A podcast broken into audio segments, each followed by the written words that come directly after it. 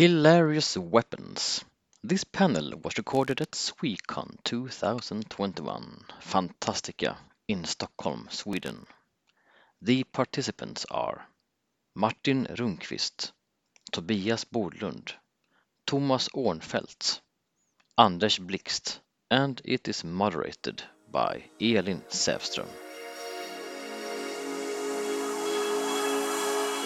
Svekon-poddar, en poddradio från svenska science fiction och fantasykongresser.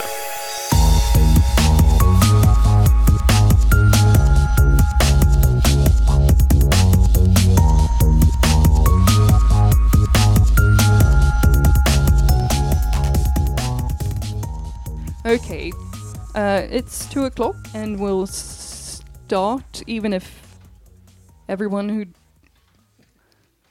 wants to be here isn't. I'm going to start this right now. Welcome, everyone, to this panel where we are going to talk about hilarious weapons, both fictional ones and real ones. Uh, my name is Elin Sävström, and I will be your moderator today. Uh, with me, I have these three gentlemen. There should have been four, but Tobias um, Bodlund had some trouble getting here.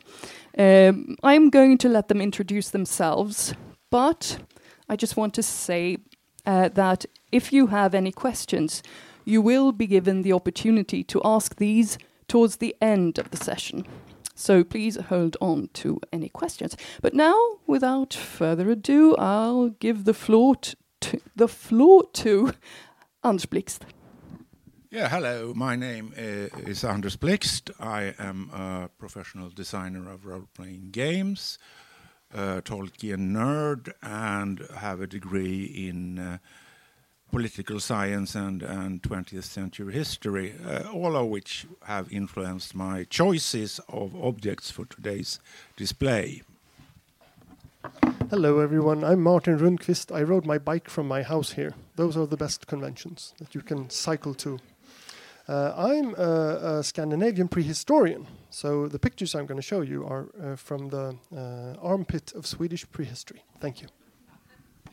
Okay, uh, I'm Thomas Årnfelt, uh, writer, writes uh, historical fantasy and horror, um, and also working with computer games, um, writing for them. Um, and I'm a historian, or was once at least. Um, early modern era, um, and also I'm a bit of a combination person, so I think my choice of images was from has to do with combination stuff. All right, there will be a lot of pictures, I think. So we're going to just please show us some pictures on this. Okay, okay. Let's see here. We can get things up and running. Here, it doesn't look silly, but this was an extremely stupid idea. It's called the Messerschmitt 163 Komet. And it was developed by Nazi Germany towards the end of World War II. They were having a lot of problems with, with British and American bomber armadas devastating the Reich. So they, they, they, they, came up with a lot of ideas how to deal with it. This is a rocket propelled in fighter interceptor aircraft it was the fastest plane in the world at that time, and that was a ridiculous thing. It turned out. Um, first of all, uh, it's, it's uh, rocket propelled. It's propelled by what is known as hypergolic fuels. That is two liquids that, when they combine, they explode. Basically, uh, one of them is is uh, uh, hydrogen peroxide, which is an extremely dangerous liquid. Uh, so the, the first thing, the, the first stupid thing with this plane was how to fuel it. So they, they would drive out one fuel truck marked with letter C for one of these liquids, flush the plane with liberally with, with water, fuel it up, drive that one away. Then they would take out another tanker truck on the other side with a T, the other liquid named T, and again, liberal amounts of water and fill it up. Basically, it took I'm a also long time. I'm also powered by tea. yeah, yeah, yeah, yeah. Anyhow, so it took a long time to fuel up, and the problem was then that uh, even if it it had a very short endurance in the air, uh, the maximum flight distance was about 50 kilometers. It was about eight eight minutes in the air because it went up like a rocket, and they went up, and then they ran out of fuel, and then they would glide. But uh, the problem here was the speed that the Allied bombers were doing like 400 kilometers an hour, and this one was doing 900 kilometers an hour. So it would just swoop down, and uh, the, the pilot would have about two seconds to carry out an attack and then swoop past. Mm. So, no, and it cost a lot of money to develop it. It killed more German pilots than Allied bombers because that hypergolic fuel, if you got damage on the fuel system inside the plane and there were leaks, the plane would explode by itself. Boom. So, uh, so uh, yeah, ridiculous. Uh, let's see here. Next one is another of these fantastic German. I had that one too. Yeah, it has a curved barrel at the end to shoot around corners, and they would have um, some sort of periscope as well. And considering that the, the, the muzzle velocity of that uh, projectile must have been in the order of 2,000 kilometers an hour, it used to break. It was very, very bad idea. Mm. Here, it's called the Maus. Panzerkampfwagen 8 Maus. This is the biggest tank ever conceived. Uh, it was impenetrable to Allied guns. It carried something that would rather belong on a, on a naval destroyer than on a tank. So, very impressive. The problem is it weighs 188 tons. And if you consider the map of Europe from World War II, you can see there are a lot of rivers running from north and south, and so you have the Seine, the Marne, the Rhine, and Elbe, and all of them. So the Germans would have to, to take it across the rivers to, to, to, to use it, but what bridge could take 188 tons of load in 1944? So, now it never materialized. They made two prototypes and then the war was over, which was pro- probably fortunate. Complete waste of money. Let's see here. This is British. It's called the Panjandrum, which is, I think, from Gilbert and Sullivan. Uh, it has appeared in the TV series Dad's Army around 50 years ago. What you have here, you see the tubes on the ins- at the spokes on the inside there. They're rocket tubes. So the point is that you launch this on a beach. It will, the rockets will make it rotate, make it roll forward up to a German bunker, and then the huge bomb in the middle will blow up. What they didn't think about was that um, beaches are not flat. It worked fine on concrete, but when they tried it on a real beach, it started to wobble and fall over or drift off course, veer off course, and so on. So, complete uh, useless, and it, it looks really. Jules Verne would have written something. yeah, something like that. So was the idea that this is on your landing craft? and- Yeah, and then you roll it off the landing craft up the beach to the bunker. Yeah, Did they launch it? they um, trialed in it combat? in Britain, but it didn't work. They've they've discovered that beaches are not flat enough, Right. so it was never used in practice. Let's see here. This is rat bomb, and uh, Winston Churchill was a man of uh, strange ideas. He didn't uh, come up with this personally, but he created an organization called the Special Operations Executives, which was supposed to send agents into occupied Europe and do horrible things to the Germans. And one of the things they, they came up with here was basically a, a dead rat with an explosive up its butt, uh, which could be detonated either by, by a time fuse or by um, heat-sensitive fuse. That is, the Germans picked up the dead rats and threw them on the fire, and then they would go bang. The problem, I said, the idea looks manageable on the outside. The problem is Germans are not that stupid. After the first rat, exploding rat, they realized these guys from the SOE are up to no good. So instead, they, they started to dispense of the rats in other ways. So it never worked out.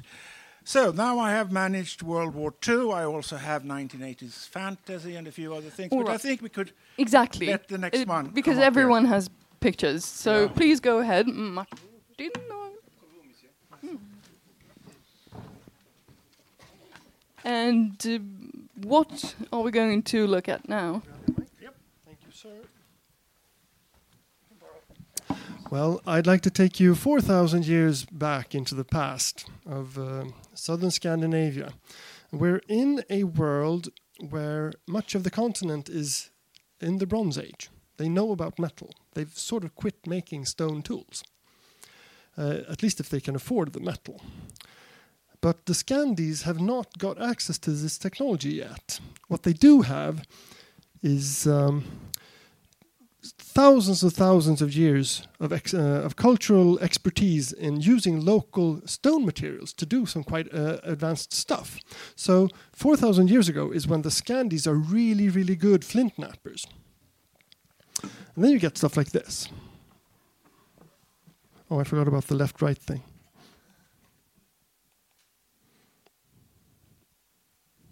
Here we are. So, um, both of these weapons are ridiculous. One is, um, um, well, let's look at the, the bronze one at the, the bottom first. Here's somebody who's seen a Hungarian bronze sword in its uh, scabbard, and they recreated this in bronze, all of it, and put an edge on the scabbard. So they've sort of understood what, what a, a, a scimitar is, but not really. Um, uh, these are um, uh, uh, quite rare, but uh, but still, somebody So, did, so did basically a combination scimitar and club. Yes, it's an excellent club. It weighs quite a lot, and it's impressive to own that amount of bronze, obviously. But then we've got these amazing flintsmiths. They want to be in on the action as well. So they sculpt this thing from flint. So it also has an edge and depicts the scabbard of a Hungarian sword. And the flint is quite brittle. It's impossible to make a sword uh, of any shape that works from flint. So if you try to hit somebody with this flint scabbardy sword, then it will just break. It doesn't even have a point like uh, like uh, uh, daggers What time. size are we looking at here? Well, um, uh, the bronze one is um, basically like y- your your typical Viking sword, fantasy sword. Yeah, ha- hanging at your belt. What, what size is that? Could you please show us using Well, your arms? from your belt and down to your knee, or, Oh. slightly more. Yeah, so that, that's a uh, th- those are pretty big. Uh, th- there was no uh, scale bar on, on the pictures I, I could find. So so this is fun. This is nice. And uh, uh, I got to say that both of these are really good uh, handicraft. I mean, the the uh, the bronze caster and the the flintsmith are they really know their stuff. Just they don't understand weapons, and um, it's questionable to to what extent um, uh, they were used or or intended as weapons. Uh, almost every age has something that I like to call uh, Rolex watches. They're big, they're blingy, they're expensive, and they're useless. So here we have another fully functional uh, bronze sword. It is not in its scabbard. It uh, doesn't have um, uh, a recreation scabbard. Uh, and this is a quite a dangerous thing. Uh, you do not want to get stabbed with this sword. But then there's somebody who wants to get in on the action, and he or she has realized that no, you cannot make flint swords, they break, but you can make wooden swords. And you can put flint on the edges, which is an, a really, really ancient technique uh, used by some of the earliest hunter-gatherers in Scandinavia. That you make a point out of uh, usually bone, and then you put the the really sharp uh, um, uh, stone edges along uh, the edges of the of the wooden uh, weapon. But then they've also, for some reason, made the handle out of flint and this is what you get when when the organic part of, of this weapon uh, uh, sort of um, rot away. I think that the, uh, anybody armed with the, the bronze sword who meets somebody armed with this uh, flint creation will not be super stressed out. Will, will probably kind of cool with that. And then we have these. This is rock art. And uh, of course, uh, rock art needn't have anything to do with what's real. I'm trying to find the zoom. Uh, oh well, you just have to, to imagine. Is there? Oh, there is the plus. Thank you. Um, this is a quite uh, a common recurring motif. So uh, we've got the guy. Whoops. We've got the. Fuck. We've got the guy with the enormous right hand and the enormous axe, which is bigger, uh, as you see, uh, can see, uh, than him. Um, of course, this is not a realistic art. This means something else. Maybe, I mean, he's got a super big hand. That doesn't mean that he actually did have a big hand. So maybe, maybe the axe is fictional. We don't, we don't quite know. But it's not just time and time again in the rock art that we see these dudes uh, with uh, big axes. Also, note he hasn't got a tail. That's his sword scabbard. Usually, you get guys with um, uh, sword scabbard and um, uh, unrealistically large phallus on the other side of his body, so sort of like a one uh, diagonal line across him.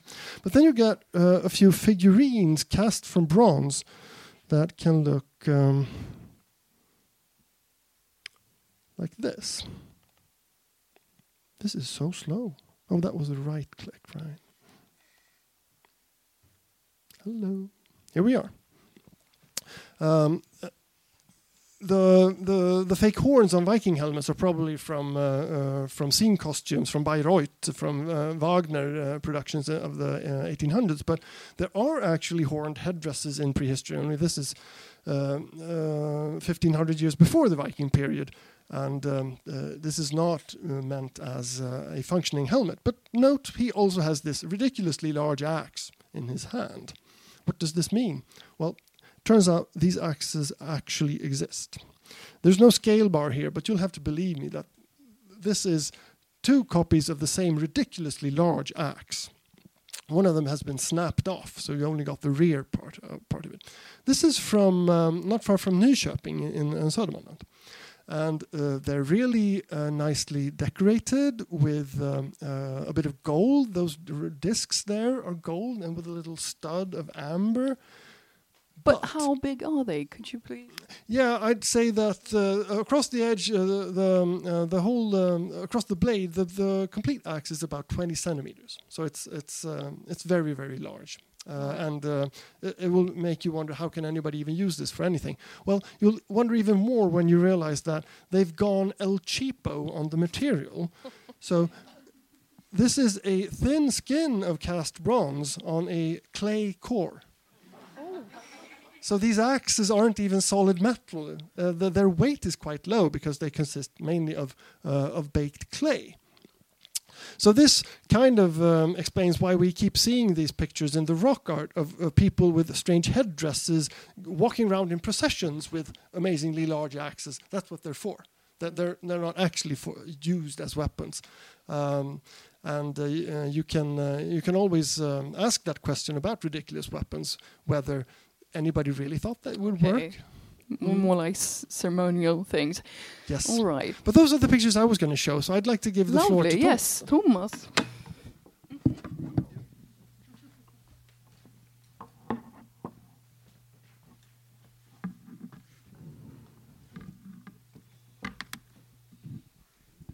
So while I try to figure this one out, whoa. Maybe you can talk a bit what you're going to show? No, I can't do that. All I'm right. Sorry. Will we see fictional can, but the- weapons, or will I- the? I can, but then I'll have to kill you. All right. Uh, so no, I said before I'm I'm kind of a split personality kind of person, so I'm gonna do combination weapons. That's my favorite. Why doesn't it open? Oh, sorry. Yeah, yeah, yeah. Well, I'm stupid. Uh, so um, I'm not going to show the Krummlauf here because you've already shown that. So, but as I said, there are many interesting weapons, and I kind of focused on on the fi- 16th and 17th century because I, that's my favorite period. And um, I'll start with this one.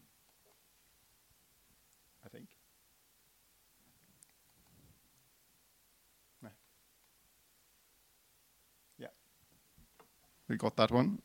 Interesting. Start with this one. This is one of my favorite weapons. Uh, sometimes called the organ gun. Um, as you can see, it's a sh- small-sized cannon. There are variable sizes. You got those with larger barrels as well. But so basically, you load up. In this case, it's uh,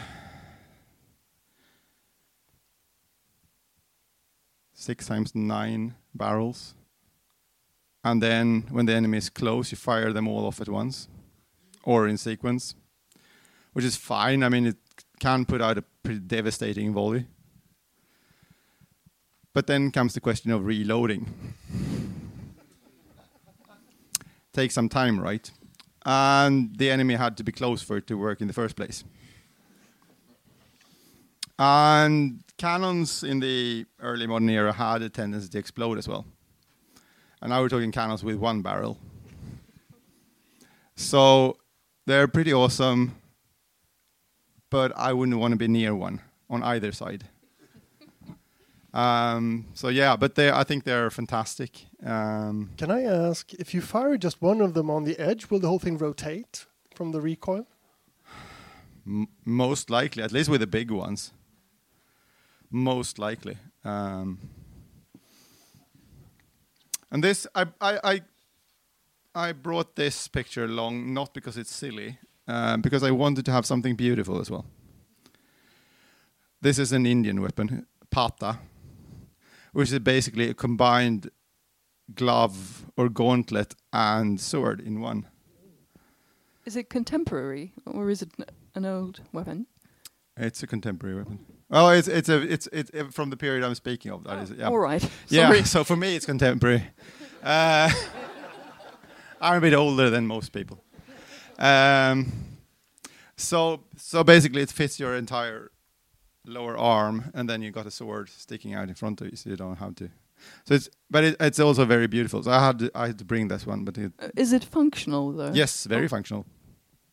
Yeah, my weapons aren't so dysfunctional as uh, some of the ones Anders showed, but they are still pretty weird. Um, now we're into my favorite kind of things.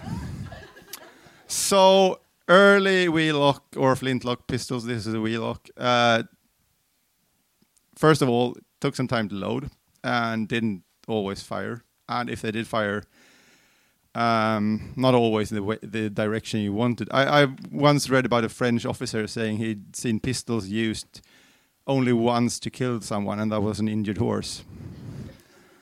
But I mean, they were effective at close range. They were, but often they misfired, and also you only had one bullet. So they tried combining them with various things, and I think pistol axes are kind of cool. So if you miss your target, you can always axe him down. Most of them also had very large, heavy handles, so you could just turn them around and use as a club instead, are probably more deadly that way.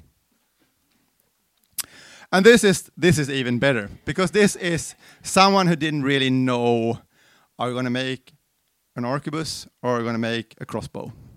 Why not do both? So it's a wheellock arquebus crossbow. It's Just- very beautiful. It is. It's beautiful, but I'm I'm thinking like, why not focus on one thing? But but hey, And no, have to go. Maybe to- that mostly was ceremonial as well. Yeah, probably. Can I just close? I didn't get. To, maybe I can go. I want to go to my famous hunting knife because this is one of my favorites. Here we go. So this is a German hunting knife, as you can see. It's got a sharp edge.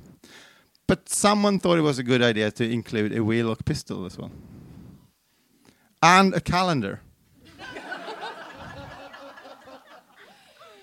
Highly multifunctional, like an iPhone, but more yeah, lethal. it's li- like an iPhone but useful. Yes, exactly. I, I, I just I can't stop looking at this because it's so amazing.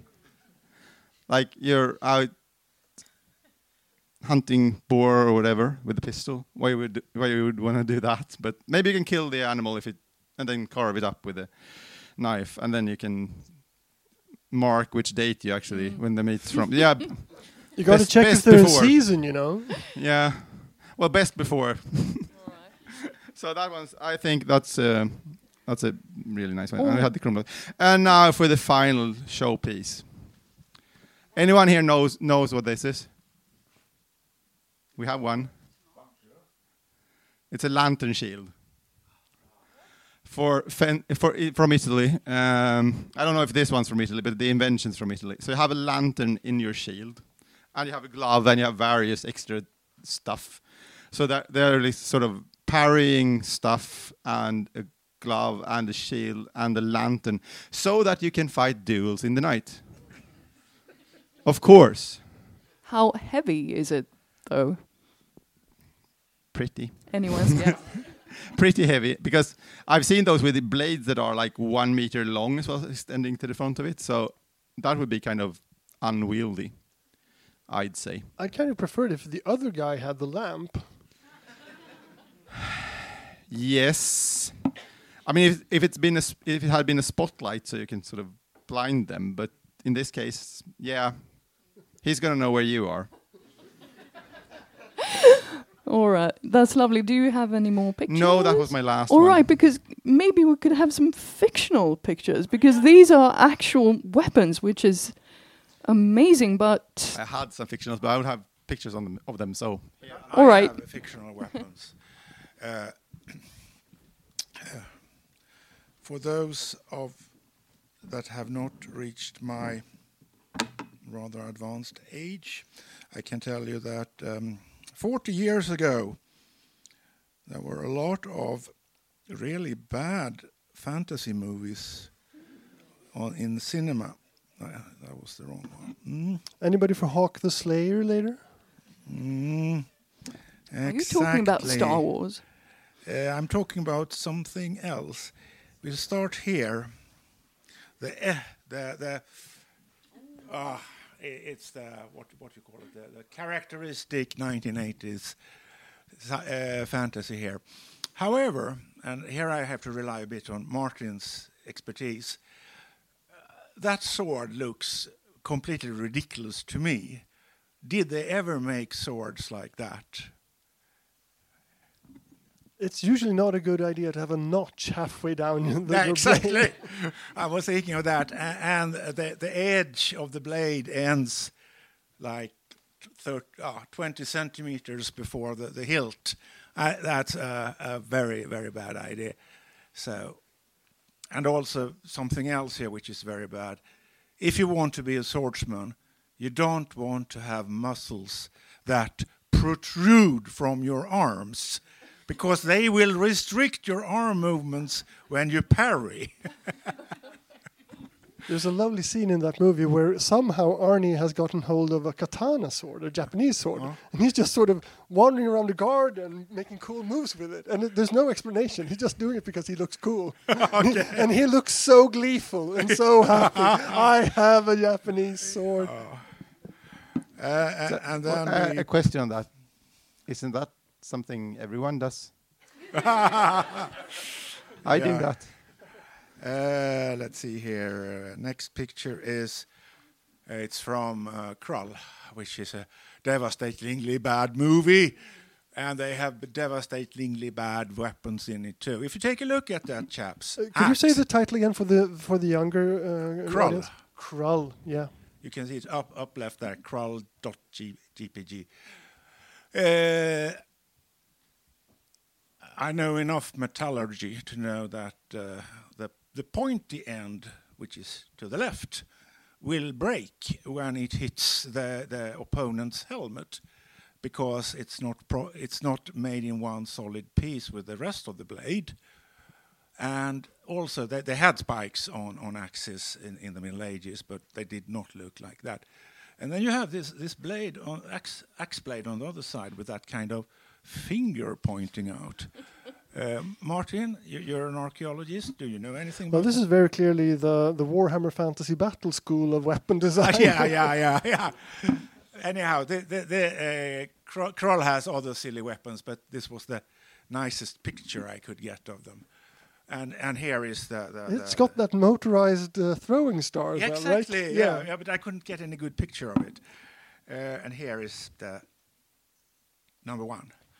Oh, the sword and the sorcerer. That blade, that sword has three blades in parallel. It's uh, from my metallurgical knowledge. This is made of aluminum, otherwise he would not be able to hold it properly. But, and this is, I, I've seen the movie. It's actually quite funny. Uh, the side blades are jet propelled, magical. So he points, you know, the, the sword at some enemy, and poof, the blade, the blade, the smaller blade flies away, and it does um, a Sam Peckinpah trick. You know, the guy who gets hit is tossed over backwards, you know, like he was hit by a car or something like that.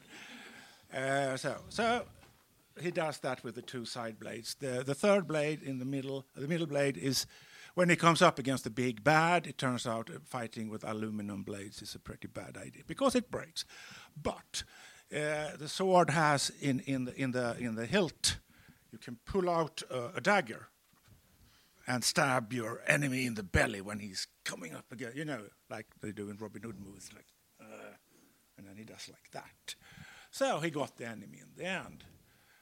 So that's that, that's uh, the fantastic weapons, uh, and then I can proceed to to let's see here. There are more.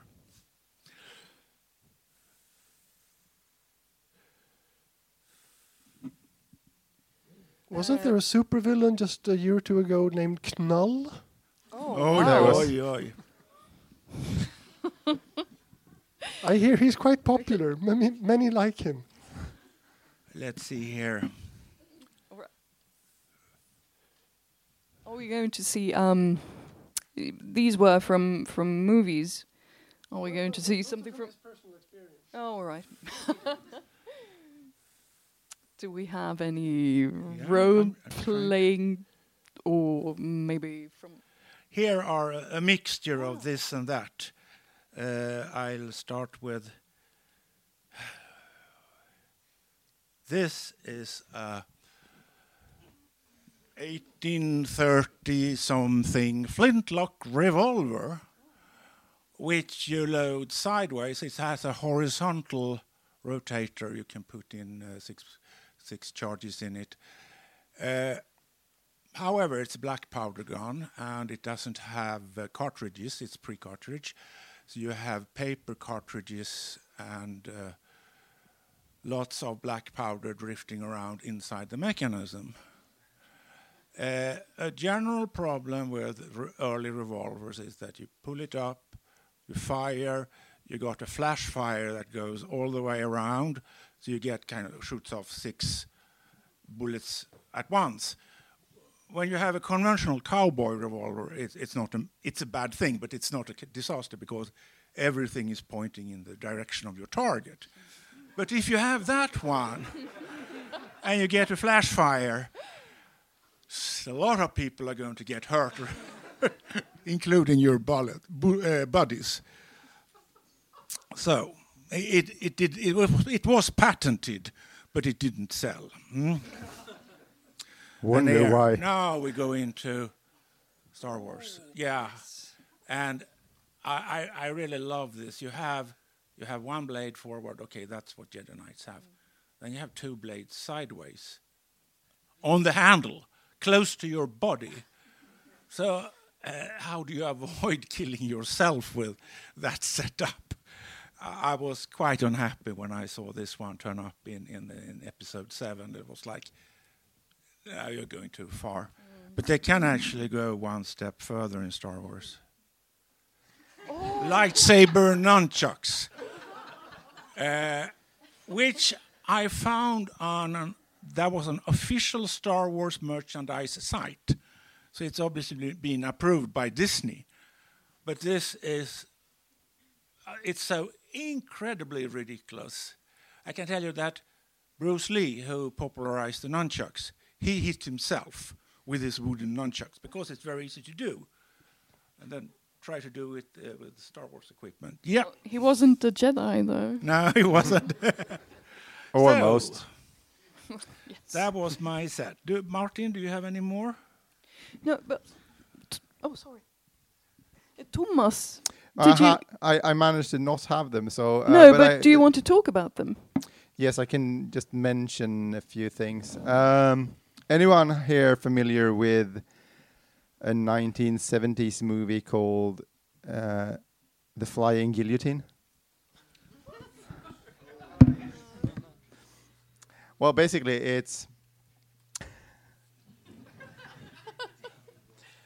it's like a hat that has a cloth cover that can. So you throw it at someone, it has a chain. Please close it. You throw it at some people y- and try to manage it to land it on the head and drop down cloth thing here. And then you got saw blades in it. So you pull the chain, chop the head off, and bring it with you. Um, and I actually saw a video of someone trying to recreate that thing and trying to get it to actually work. And yeah, it was kind of a fun thing to do. What's that Bond movie with the the steel hat rim? Or Oddjob's hat, yeah. Yeah. Um, Should, But I- I, worry about that? If you think about it a lot, I think you should worry. Yes. but I, I have a pet peeve. Can I can I do that Yes, instead please. of pictures? Mm. Uh, because whenever I see fantasy movies, I see people having the swords on their back, and it's not about the wep- weapons now, but more how they use them. And I mean, I do carry swords on my back every now and then when I'm sort of transporting them. You are transporting swords. Yes. Uh, In For example, if you're biking, it's kind of it's kind of hard to have them in your hand. And so yeah, so on the back is kind of okay. Yeah. Um, as you do. But have has anyone ever tried actually because they use them and then they draw the sword from the back. Do you know how long arms you need to do that?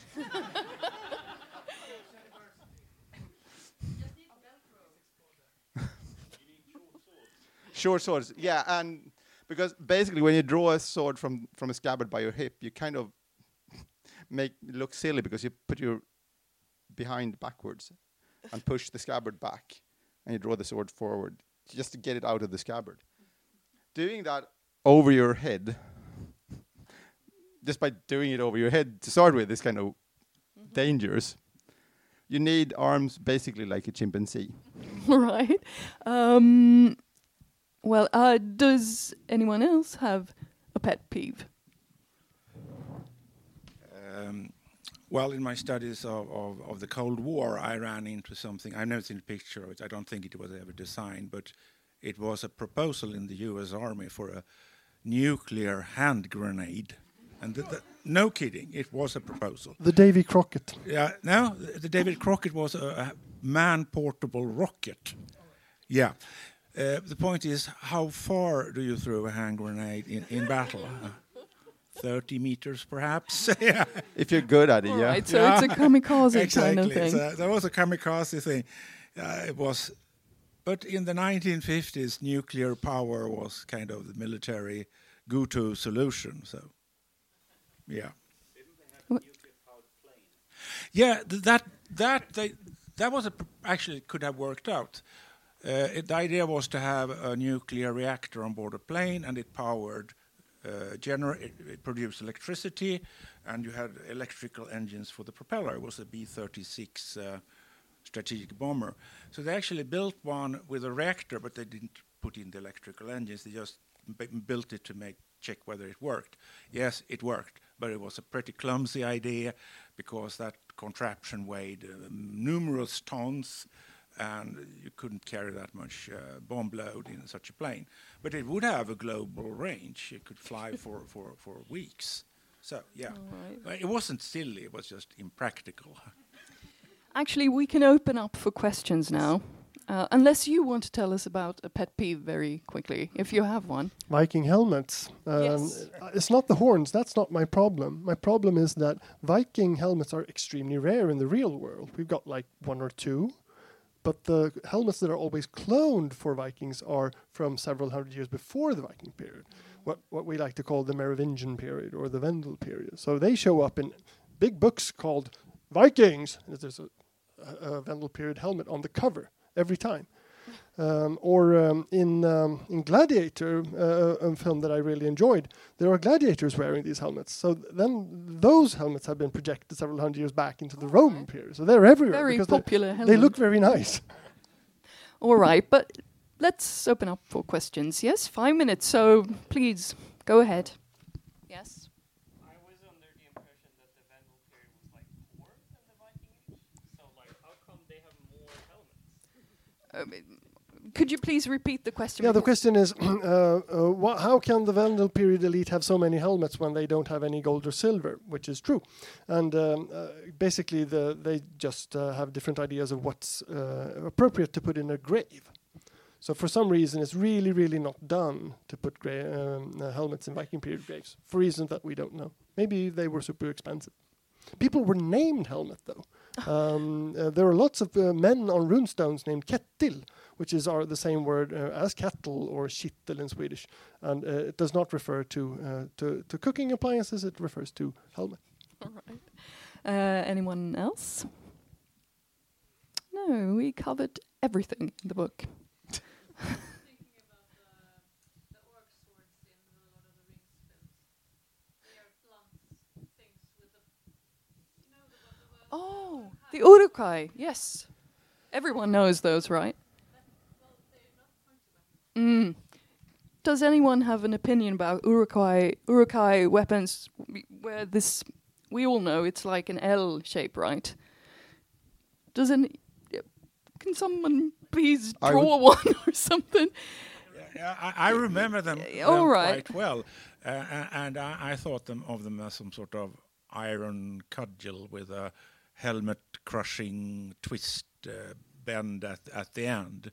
But uh, Peter Jackson, uh, well, uh, sometimes he went a bit far. Yeah, uh, I, I would think of them more as a combination mace axe rather than a sword.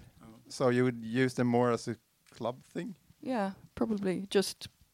Uh, I'd like to say something about black metal morning stars. Any metalheads around here? You you seen these ridiculous band pictures where where Norweg- young, young Norwegian men are posing in corpse paint with uh, with uh, enormous uh, morning stars and stuff, and those look like really angry hedgehogs with lots of sup- super long spikes. And real uh, real morning stars never look like that because they are single use. You hit somebody with them, it gets stuck in your victim, and then you have no weapon anymore. But I guess if you're a very young Norwegian in 1992, then you, you, you feel pretty badass with one of those. All right. Uh, do we have any more time? Yes, please. I could mention um, Maxim Jakubowski ha- had a book called the SF Book of Lists. He, he, he li- made a list of e- everything in, in science fiction, uh, including silly weapons. I, Ah. I recommend it. Uh, he had, um, I think, the, the Bullista. uh, it throws bulls at the Um, All right, we had. And then the proverbial sling shit.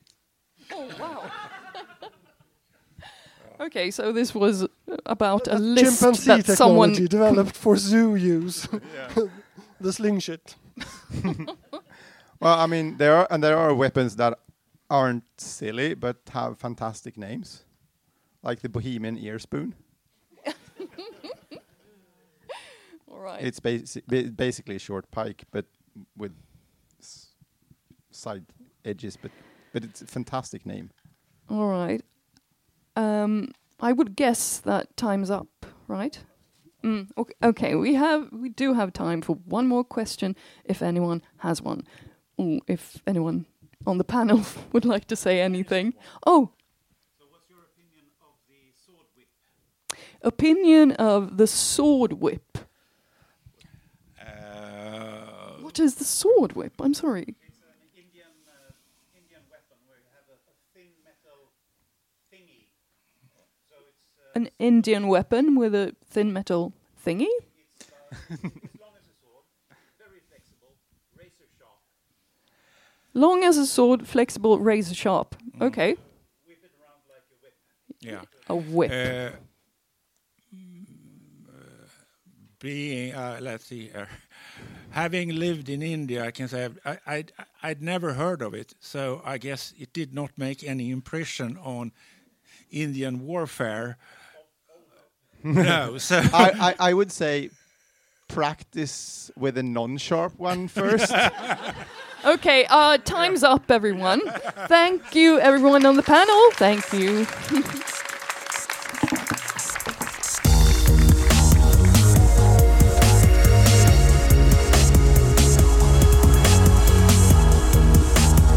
Musiken av Psychedelic Pedestrian från Free Music Archive.